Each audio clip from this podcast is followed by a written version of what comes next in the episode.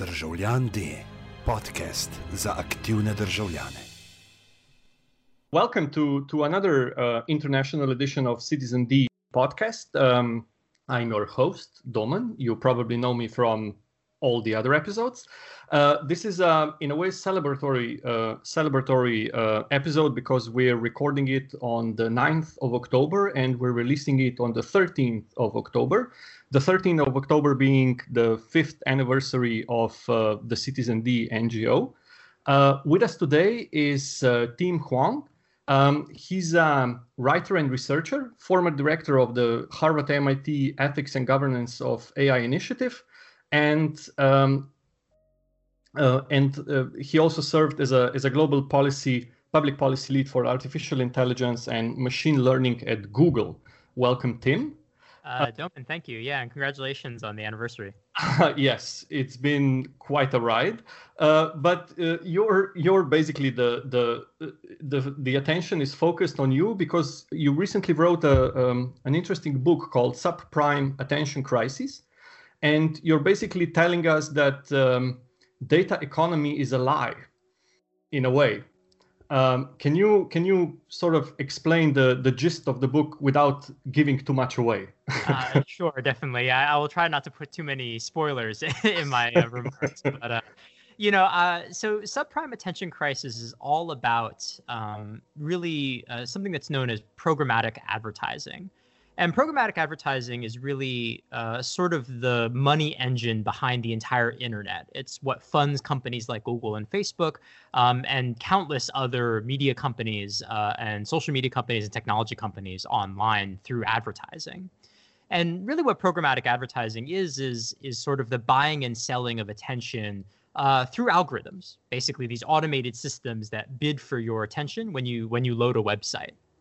And um, you know, for a long time, these companies, right, the the kind of leaders in the industry, have said that you know, with all the data that we have about people, uh, we can target advertising way better um, than anyone else, right? Uh, as hmm. opposed to you know, running an ad in a billboard or a magazine or something like that. Um, you know, advertising online is sort of data driven and truly effective.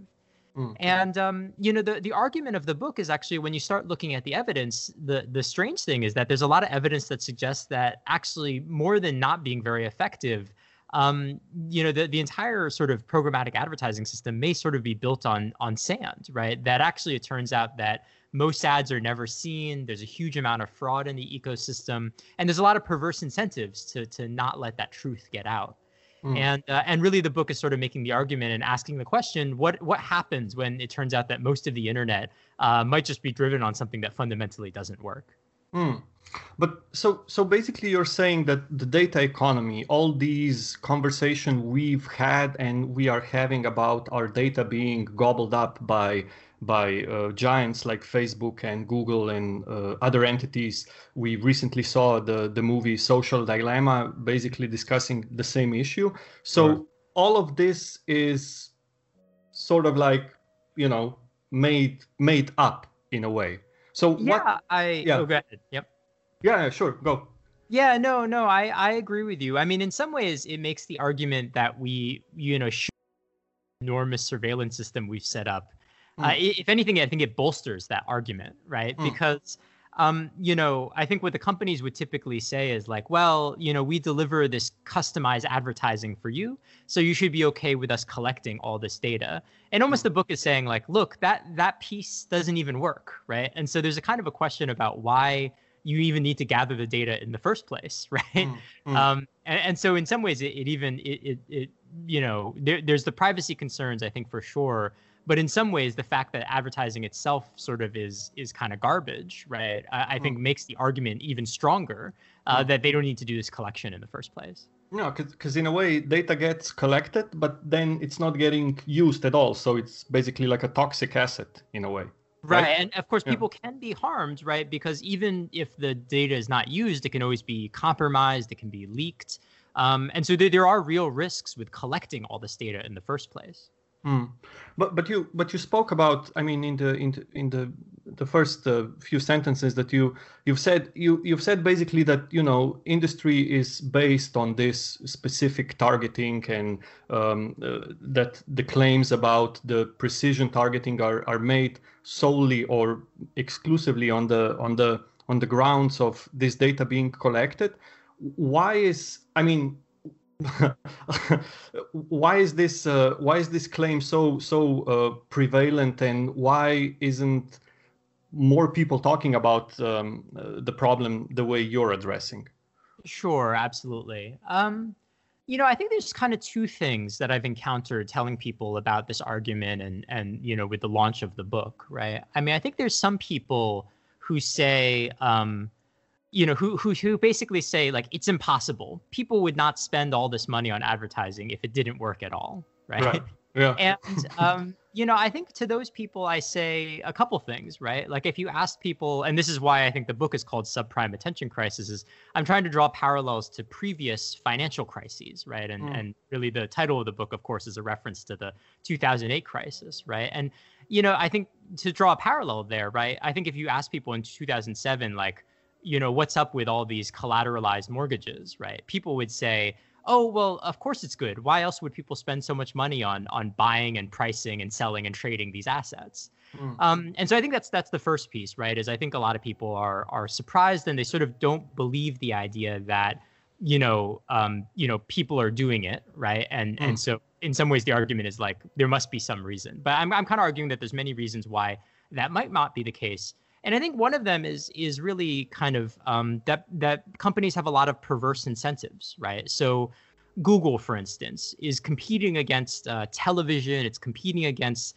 print publications, um, and so it wants to make itself and its advertising look better than those other those other competitors, right? Mm-hmm. And so mm-hmm. one way of doing that is saying, you know, we have the data, we can be so good, and and not to look at evidence that that you know looks otherwise.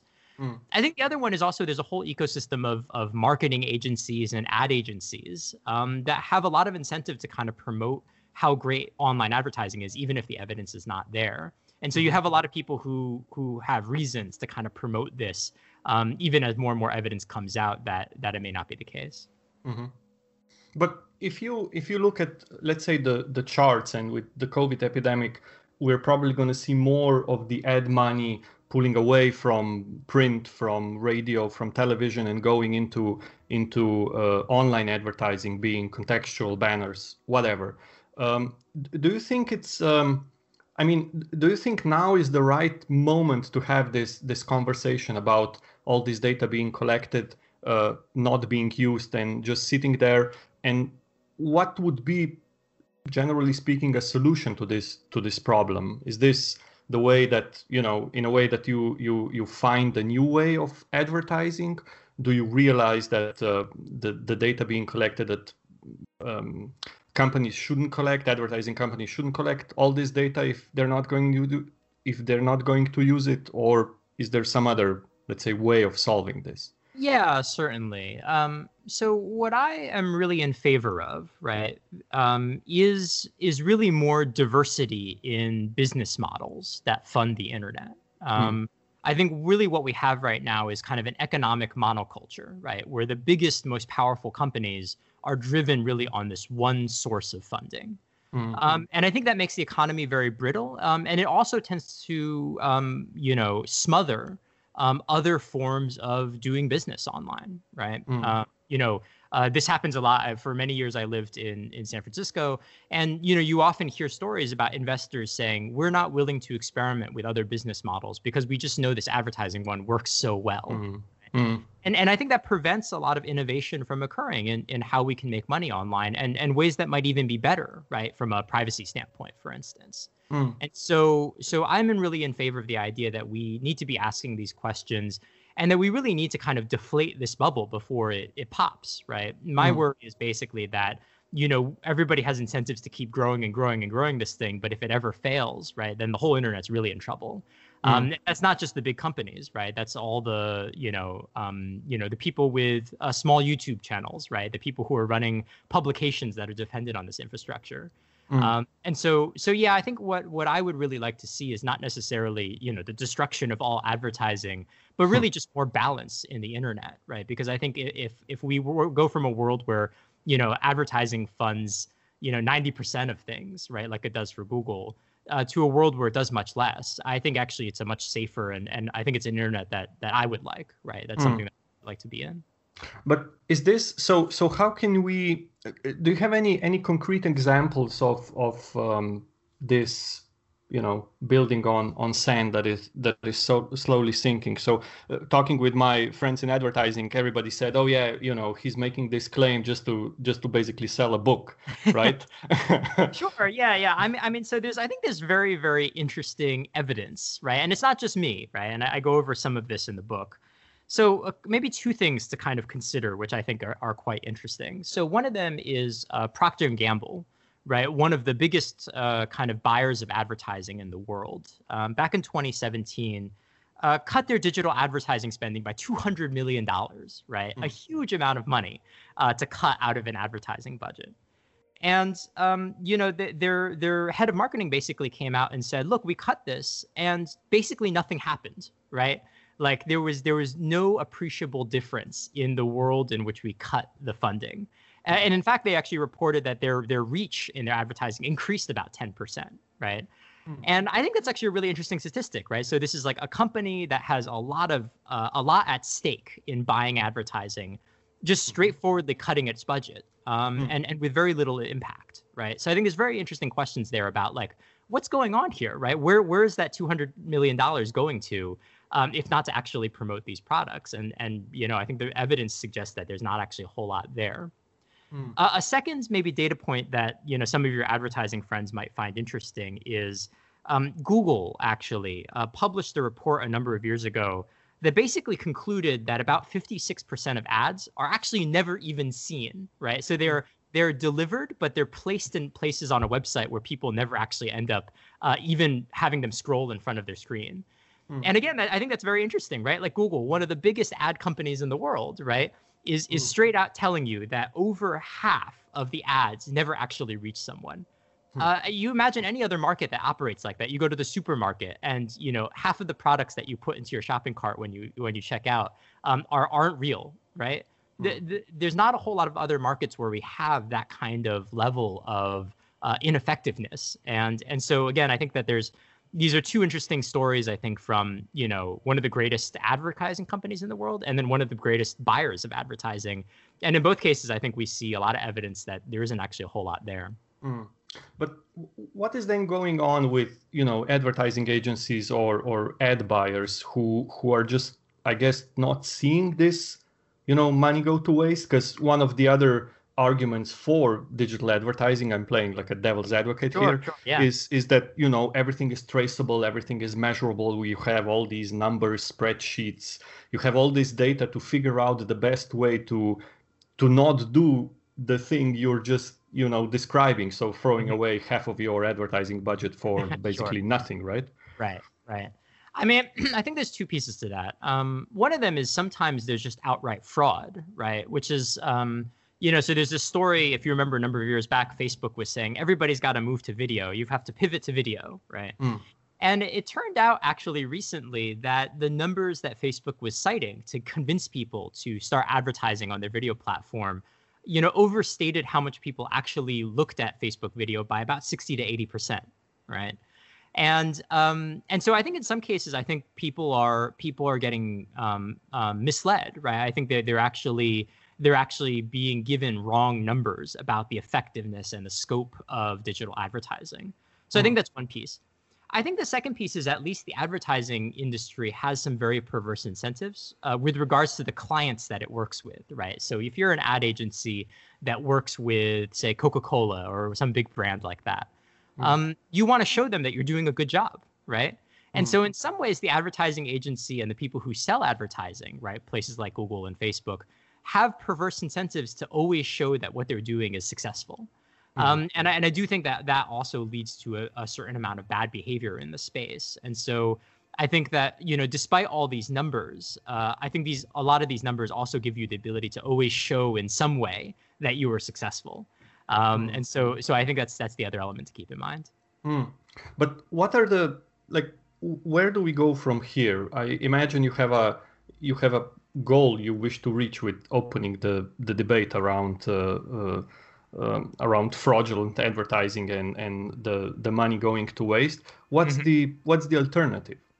Yeah, so definitely. So I I really do believe in the idea that we can do two things. One of them is that we may just want to have uh, a, a level of regulation that creates more transparency in the market, right? Mhm.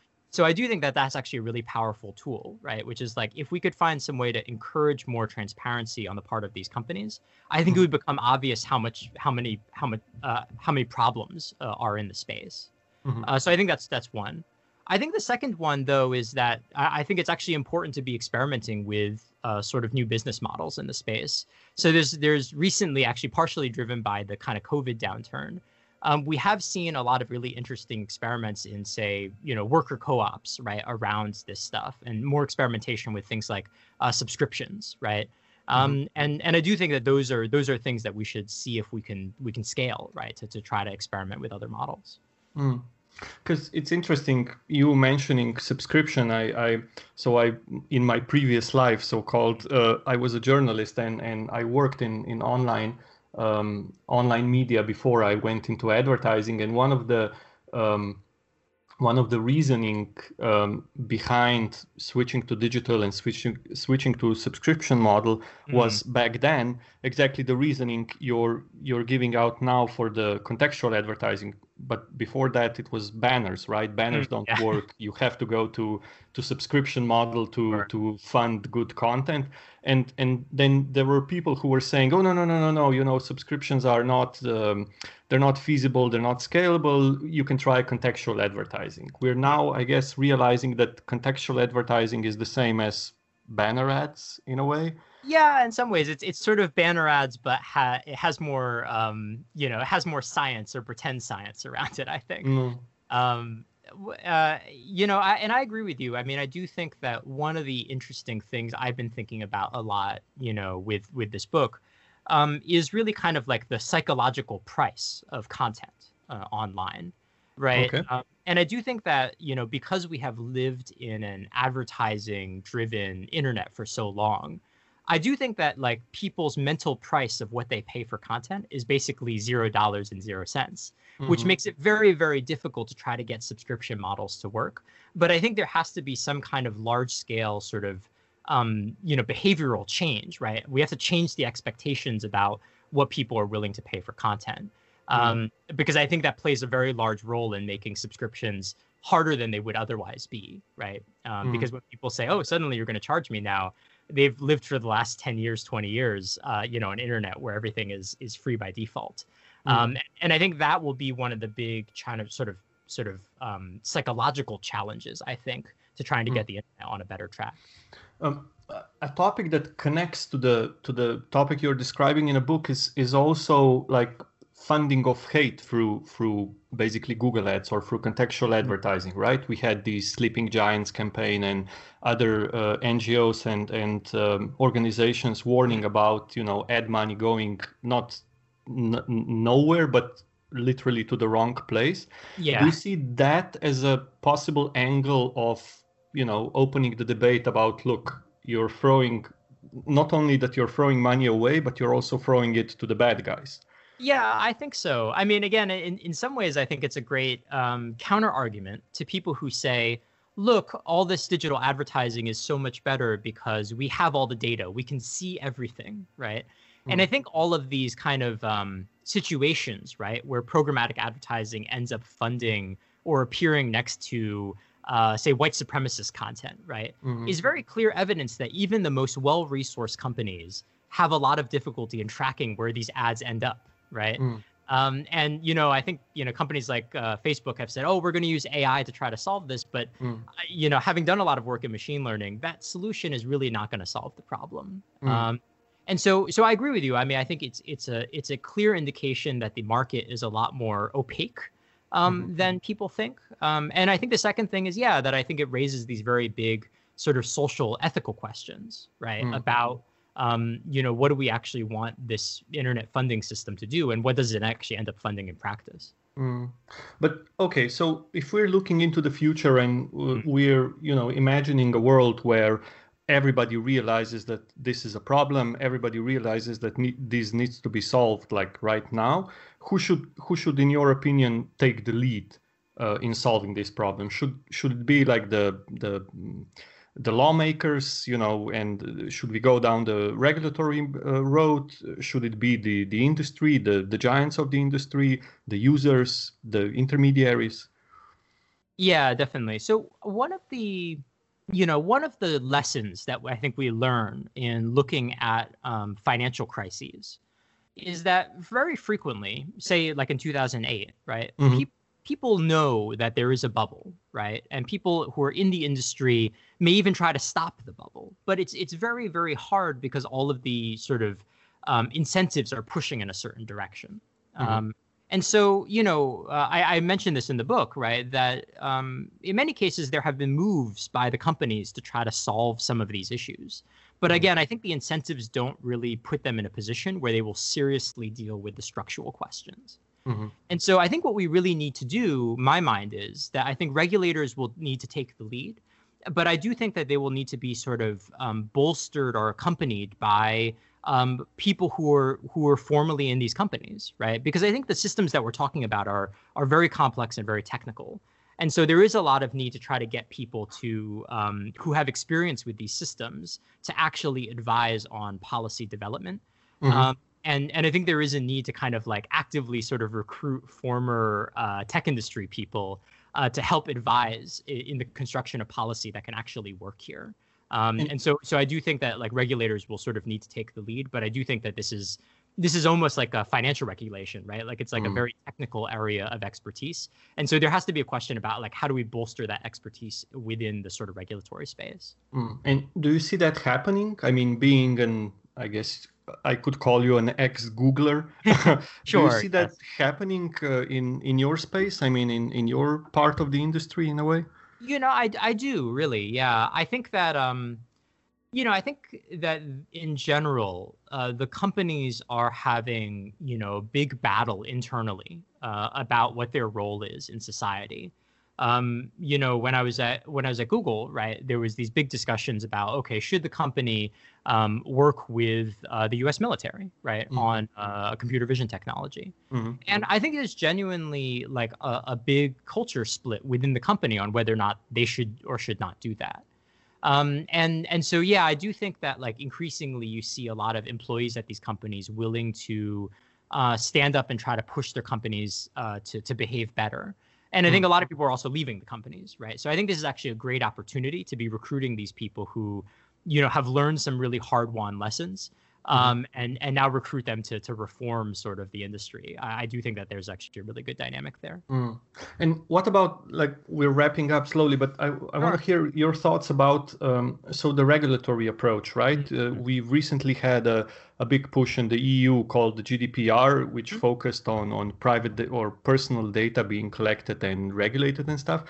Uh, and but the emphasis, or I feel the the emphasis is is constantly on the wrong foot, right? Because mm. every regulatory movement or, or uh, motion puts uh, the user in, in the center of, of it all. And mm. it, it sort of depicts an image about uh, of a rational, um, very active user that is always on the lookout for the next, you know, scam or the next fraud or the next thief around the corner, and is then very active in preventing theft, so to speak, to mm-hmm. happen.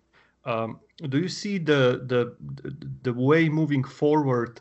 Um, that do you see that that's the the right way moving forward? Sort of putting all the eggs in the basket of the user and say, okay, look, the guy's responsible. You know, it's his data. He has to protect it, and uh, everything else should just uh, sort of help out. Um, help out the the the user in in let's say data protection, That's or do you see someone like else taking the reins? Yeah, it sounds like you have a point of view on the issue for sure. um, I no, but I, I agree with you. And so so first off, I am I am not an EU law expert by any measure, right? So like really fully understand the GDPR, I feel like you have to like dedicate your life to it. Um, but I, I do think that, um, for example, in the U.S., right, there's been a long discussion on things like terms of service, right? Mm-hmm. And and the old model was okay. Well, we'll just give you notice and consent. And the silly thing is that people give notice, but there's no real actual consent because people just click through the terms of service. Mm. You know, that might be 200 pages long, but appears like on their mobile device, right? Yeah. And and so I agree with you. I mean, I think there is a need to think about what are good defaults in the space, um, just because I think there is so much activity going on that it's very very difficult to imagine a world in which um, you know to imagine a world in which we say the individual needs to be responsible for all of these decisions. Mhm. um, and uh, and and again in some ways like you know the, the dream of that user um, has has created a lot of bad policy. And so i think we need to to have a policy that's much more realistic and and a lot closer to what the everyday experience of the web is right? And i think you know I, I hang out with a lot of policy nerds so there are some people who i know who spend all day reading a terms of service. But i'm sure if you did any polling around this um, it, it would be basically no one, right? We're basically building policy for a citizen that doesn't exist. Mhm. Uh, so, so I do think that there's a lot of need to to rethink um, our approach there. Okay. Uh, well, that's it. I think fingers crossed on on rethinking the approach. Um, congratulations on on the book. I'm looking forward to reading it, and uh, thank you for for taking the time to talk yeah, to us. Yeah. Thanks for having me on the show. Really appreciate it. Thank you. Take care. Bye. Bye.